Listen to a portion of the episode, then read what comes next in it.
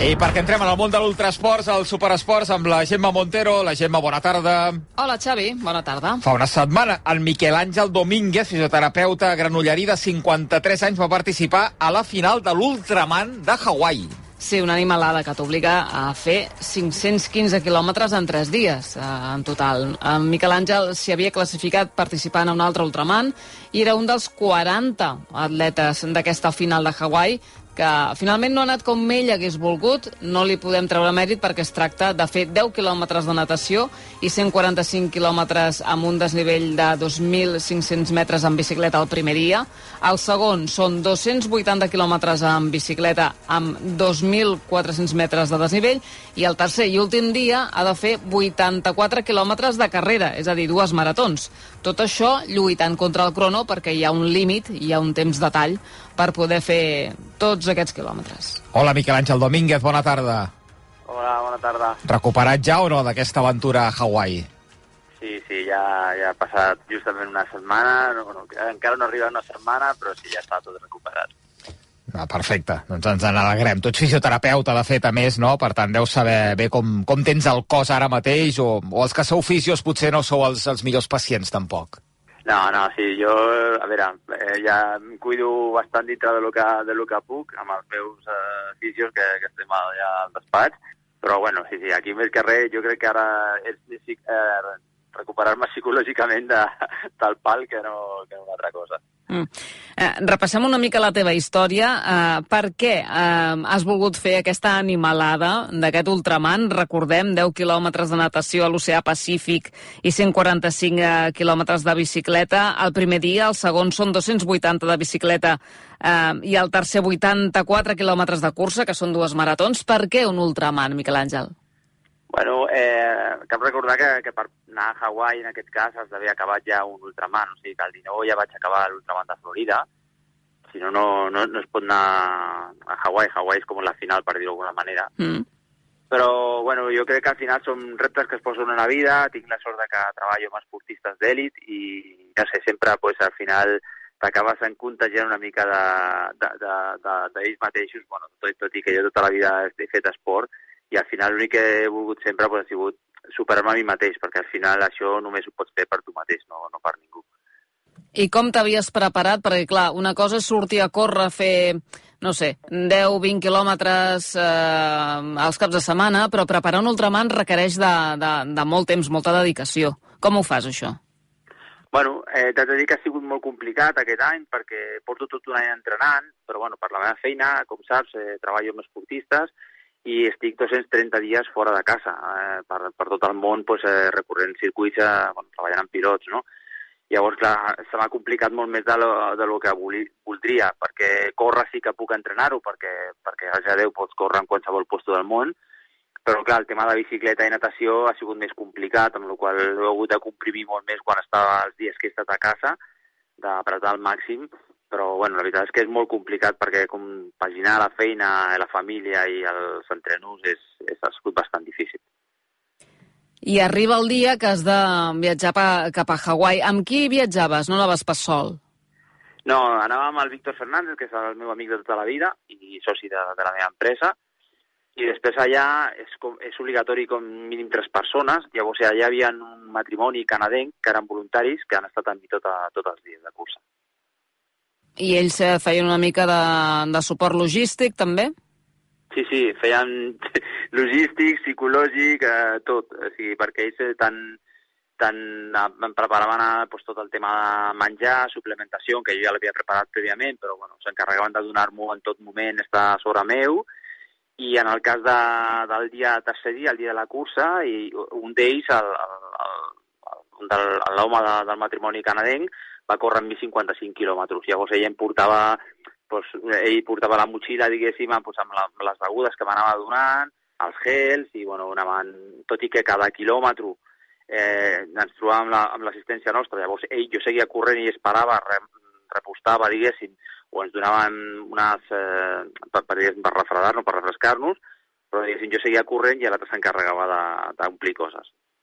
I què va passar a l'arribada? Perquè va ser una mica accidentada ja. Per començar, mmm, no va anar del tot bé, no? Ja va començar tot malament a l'aeroport de Barcelona, que, bueno, sorprenentment anàvem per via Canadà, i a Canadà, aunque no sortís de, de l'aeroport, has de tindre un visat. I, bueno, hi havia un problema amb el visat i no em deixaven sortir de, de l'aeroport de Barcelona. Ja per començar això a les 3 de la matinada. Al final va poder solucionar, però quan vam arribar a Canadà eh, em criden a l'avió que havien de parlar amb mi i és que m'havien perdut la bicicleta. Llavors vam arribar a Hawaii sense bicicleta i bueno, la bicicleta de fet va arribar el dia abans de, de començar la cursa amb la qual ja va ser un estrès eh, que, que no interessava. Clar, i això també suposo que acaba afectant i un no comença la competició en les millors condicions possibles.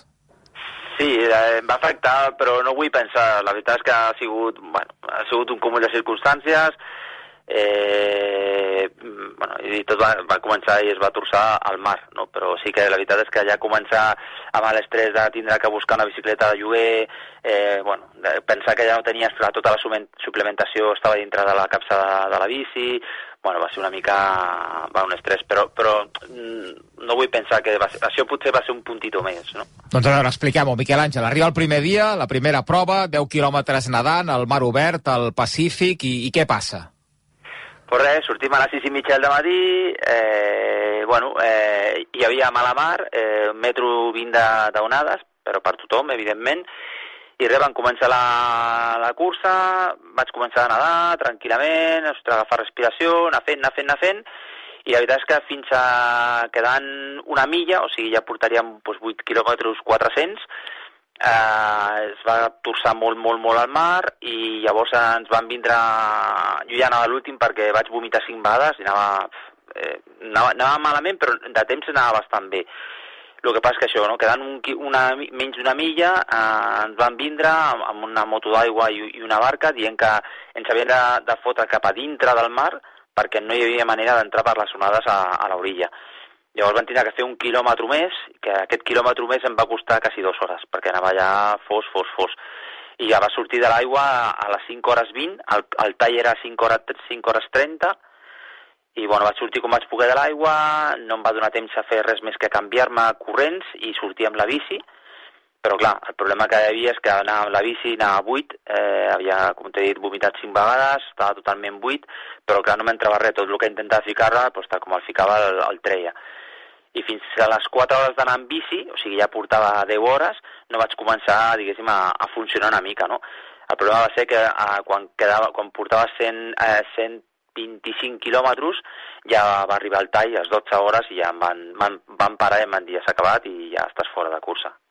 Clar, perquè a banda d'aquesta exigència de 10 quilòmetres de natació, 145 eh, quilòmetres de bicicleta, hi ha, hi ha un temps límit, que són aquestes 12 hores que comentes, no? Eh, a tu et van faltar 20 quilòmetres, doncs, no? Sí, sí, em van faltar 20 quilòmetres. De fet, podia seguir, el que passa és que tant el meu equip com a organització ja, ja ells anaven parlant amb el cotxe i que ells van decidir parar-me perquè ja era, era totalment fosc, estava plovent eh, i hi havia vent en contra i em deia, Miquel Àngel, si és que per molt que vulguis arribar, et queden dues hores al ritme que vas ara mateix, ja estàs fora de cursa i, si vols sortir demà o intentar-ho, és una estupidesa seguir, no? I em van parar. Al final vam, amb el meu equip es va creuar amb el cotxe i em van parar. Per tant, vas prendre la decisió de, de, de plantar-ho, de, de deixar l'etapa de, i de continuar competint fora de competició, però intentar acabar la prova, no? Sí, sí, o sigui, era, era l'opció, en el primer moment, pues, molt enfadat amb mi mateix, evidentment, no? i amb els meus companys perquè em, em paraven, perquè jo, no, jo volia seguir, però era, va ser la decisió més intel·ligent, evidentment. I llavors, eh, pues sí, sí, amb tota la ràbia del món, eh, no vaig poder arribar, però vaig dir, aquí hem de seguir, hem vingut aquí, porto tot un any entrenant, eh, tots els amics, la família, tot el que han patit per, per aguantar-me, pues això, no? anar a un sopar i dir, ei, me'n vaig, que me'n vaig, demà haig d'entrenar, o qualsevol cosa que has hagut de sacrificar, pues no volia, no volia fallar i volia seguir. I com va anar, doncs, eh, sense aquesta pressió de, del, eh, de competir en un temps límit i, i sabent que ja estaves fora però que podies continuar a Hawaii, com, com, primer com et vas sentir tu? No sé si estaves decebut o un cop paït això ja, ja vas pensar en una altra cosa. Bueno, la veritat és que estava molt decebut amb mi mateix i ja et dic, no, demanant perdó a tothom que em deien, però tio, que, que has demanat perdó, aquí has de demanar perdó, no? Però estava molt, molt, molt ofuscat amb mi mateix i enfadat amb mi mateix. De fet, el segon dia vaig, vaig sortir i es va tornar a complicar, no? Eh, perquè ja sortia pues, amb el coco no surts bé, perquè estàs, eh, estàs una mica fora de, de, de, de lloc i de tot, i vam sortir la cursa eh, a les 6 i mitja de la matinada una altra vegada, eh, els primers 70 quilòmetres van ser pues, tota l'estona plovent i vent en contra, al quilòmetre 80 em vaig caure amb la bici, vaig vomitar una vegada abans, al, al quilòmetre 80 em vaig caure amb la bici, i al, al 90 jo mateix en aquell moment vaig dir mm, fins aquí he arribat, eh, són massa senyals i, i fins aquí he arribat. I vaig, en aquest moment sí que vaig trucar ja als meus companys i vaig dir, tio, no puc més, o sigui, aquí em quedo. No, no, t'entenc. I el tercer dia què? El tercer dia, pues, mira, per mi i parlant amb el, els, els meus que em fan el suport, no, que em deien, tio, disfruta, corres el que t'agrada més, eh, ha passat el que ha passat, eh, estàs com estàs, però intenta disfrutar i, i, i fer aquest dia per tu mateix, egoistament, i disfrutar-lo el màxim possible dintre que són 85 quilòmetres, no? I la veritat és que vam sortir el diumenge a les 6 del matí i pues, m'ha costat molt arrencar perquè bueno, psicològicament et venen tots els, tots els mals i tots els fantasmes, però la veritat és que vaig començar molt bé, vaig començar a disfrutar, vaig passar la primera mitja marató amb 2 hores 4, eh, vaig passar la marató amb 4 hores eh, 16, eh, vaig passar la, la tercera mitja marató amb, amb 6 hores 46 i vaig començar a trobar-me superbé i de fet a, a Florida vaig tardar 11 hores 21 minuts en fer els 85 i aquí vaig tardar 9 hores 30 minuts, vaig arribar al 6è, fins al quilòmetre 80 vaig anar quart sense saber-ho però vaig fer-ho disfrutant i com li deia a tots els meus amics i la família, no? cada quilòmetre he anat pensant amunt de tots els amics que tinc i he corregut amb ells, no? evidentment virtualment, no? però va ser, va ser una, eh, un bon sabor de boca, aunque va ser un cap de setmana fatal, però vaig acabar molt content i, bueno, i era pensant en pues, que hem d'acabar això com sigui. No? Mm. no sé si ara és un bon moment per preguntar-t'ho, però amb tot això que estàs explicant, amb tot el que has passat a Hawaii, tens ganes de tornar-ho a intentar més endavant o ja no ens vols tornar a sentir a parlar mai més? No, no, eh, sincerament eh, és un, ja, ja ho tinc eh, més que pensat i haig de, haig de tornar i acabar-ho. Eh, evidentment, eh, l'any que ve no, no crec que pugui, principalment per un tema econòmic i, i bueno, també de feina, però, però a nivell de classificar-me no hi ha problema perquè ja, ja estic classificat per, per al Mundial, o sigui, puc, puc tornar. I jo crec que si Déu vol i tot va bé, el 25 pues, intentar, ho intentaré si tot va bé i tot respecte, podria fer-ho i llavors sí que tanca el cercle, no? però no, no puc deixar que aquesta cursa m'hagi guanyat. És curiós, eh? Dius que la cursa t'ha guanyat. Eh, tu havies anat amb, amb temps per conèixer una mica el lloc, perquè a Hawaii no hi havies estat mai, suposo. Mai, mai, no hi ha estat mm. mai. Ara sí, eh? Ara ja saps que, que ha... No sé si el clima influeix, també. Eh, influeix tot. És una illa molt bonica, per cert, eh, però és, és, és increïble que, per exemple, la, la cursa a peu, perquè al final amb la cursa aquesta el que fas és donar tota la volta a la isla sencera, ¿vale? És, la, és Big Island, és la, la isla més gran de, de, de Hawaii, i és molt curiós perquè la, la part de bicicleta, o sigui, a part de l'oceà, doncs, els últims 3 quilòmetres són, són molt complicats, eh, el, la part de la bicicleta, eh, des de que puges al volcà, bueno, abans, és, està plovent, plou cada dia. Llavors, és, és curiós que una part de la illa està plovent a mares i, i, la, i la part que van fer a la cursa a peu és una de les segones, eh, un dels segons llocs més calorosos del món. Dius, ostres, són uns contrastes molt, molt estranys, no? Llavors, eh, sí que el clima influeix, però, però bueno, que jo crec que mm, bueno, a vegades les coses surten i a vegades no, i com deia la meva dona, diu, estàs mal acostumat perquè tot el que t'has proposat fins ara pues, ho has assolit, curses com la Marató de Sables, eh, el primer Ultraman, Ironman, totes les coses que hem fet i tanteses, tot el que he fet, pues, gràcies a Déu sempre ho he acabat tot, i alguna vegada m'havia de tombar, per físic, per, per coco, per, per lo que fos, no? I bueno, pues ara queda aquest repte d'acabar-ho. La teva feina, com dius, et fa voltar per tot el món. Ets fisioterapeuta que treballes amb gent com, com Laia Sanz o, o Carlos Sainz, és a dir, que segueixes, per exemple, els pilots del Dakar, no? Sí, sí, de fet, ara, bueno, en, en tres setmanes marxem cap al Dakar. Jo estic a Honda, o sigui, soc el, el, el terapeuta de, de oficial, HRC.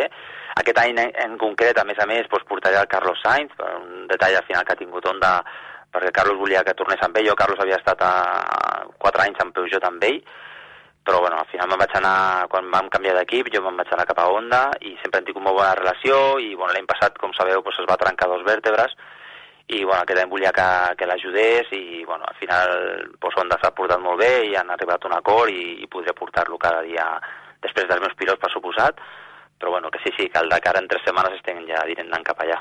Mm, segurament ets una de les persones amb qui més confien, no?, aquests eh, esportistes d'elit. Bueno, eh, al final, quan estàs treballant amb el, amb el cos és, és una cosa molt personal, però bueno, com, com ja sabràs, amb els esportistes quan tu fas aquest tipus de feina no, no només fas la teva feina, no? Jo ens encarreguem de la suplementació, ens encarreguem de... Fas sense ser-ho, per suposat, i, i respectant, no? Eh, fas de psicòleg, fas de tot perquè, perquè al final eh, en, és el seu moment, és el seu moment de, de, de poder explicar o si han tingut algun problema, o si no es troben bé, o si es troben bé, saps? Al final tenen la, confi la confiança de parlar amb tu i d'explicar els seus problemes, no? I són obedients? Fan cas del que diu el fisioterapeuta?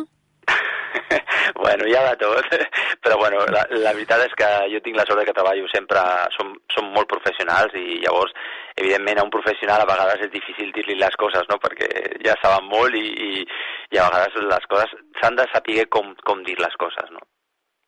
El fet que el Dakar es faci a, a Aràbia um, des de fa ja uh, alguns anys, a, a tot modifica alguna, en, en alguna qüestió la teva feina?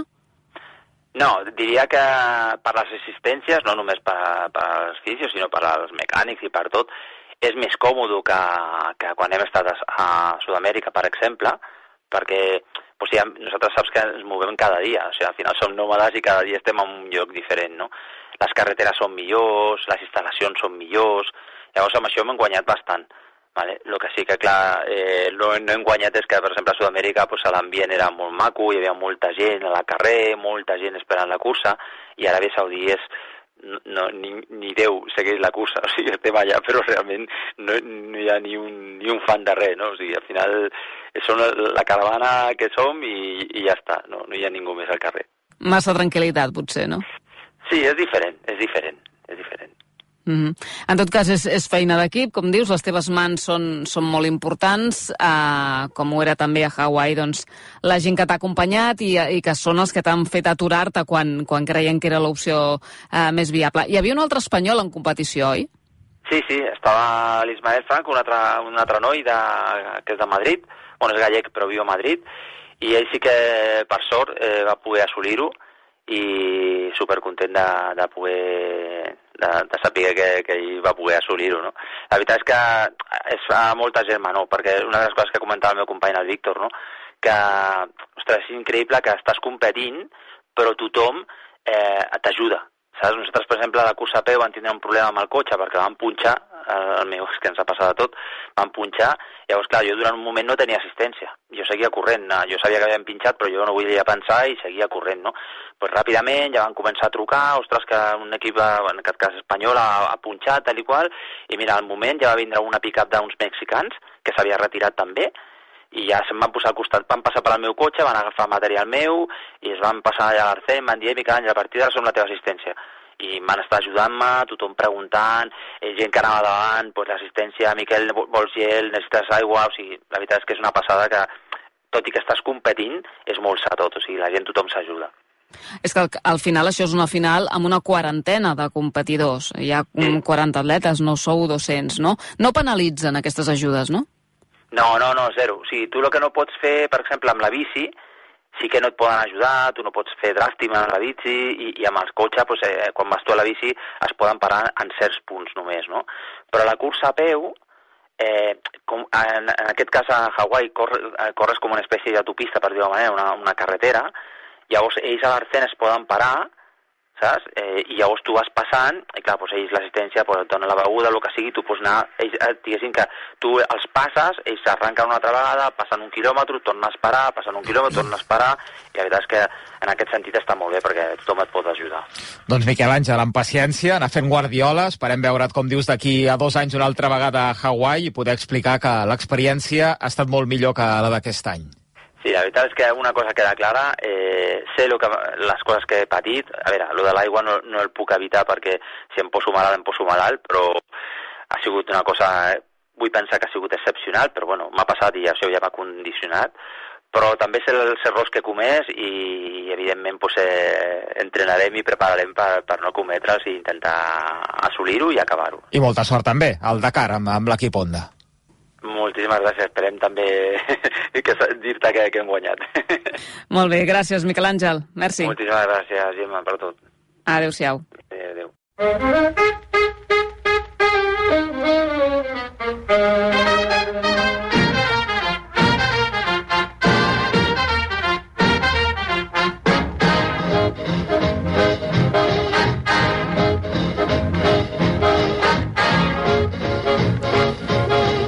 abans d'arribar, com sempre, a la meta de l'Ultrasports, amb el Miquel Pucurull, avui ens destaca l'altruisme i les cames del britànic Gary McKim. Amigues i amics, hi ha pocs esports com el córrer que generin tant altruisme. L'any passat, un anglès de 53 anys, de nom Gary McKee, va fer 42 quilòmetres i 195 metres cada dia. És a dir, una marató diària per recaptar fons per la investigació sobre el càncer. Una malaltia que va causar la mort del seu pare i ell volia, d'alguna manera, col·laborar en la lluita contra la xacra. Va començar l'Odissea l'1 de gener i la va acabar el 31 de desembre. Va córrer ni més ni menys que 15.330 quilòmetres en total, a raó de gairebé 300 a la setmana, aconseguint un milió de lliures en donatius. Per descomptat, no és un atleta professional. Corria cada matí a partir de les 6 i feia teletreball per les tardes. Les maratons les va fer sempre al voltant de les 4 hores completant l'última en 4 hores i 22 minuts. No era la primera vegada que participava en una bona causa. Aprofitant les vacances de la feina altres anys, va travessar Brasil de banda a banda en bicicleta. Va pujar al Kilimanjaro. Va creuar el canal de la Mànega Rem i com a assaig de la seva darrera gesta, el 2021 va córrer 110 maratons en 110 dies, sempre en favor d'alguna entitat benèfica. En acabar l'última, Gary McKee va escriure en el seu diari Dia 365.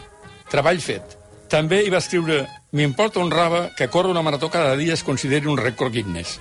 L'important no són els rècords, sinó ajudar la gent. Fins al cap de setmana que ve, correu o correnyeu molt. Li farem sempre cas al Miquel Pucurull i la setmana que ve més. Fins la setmana que ve. Gemma, adeu-siau. Fins la setmana que ve.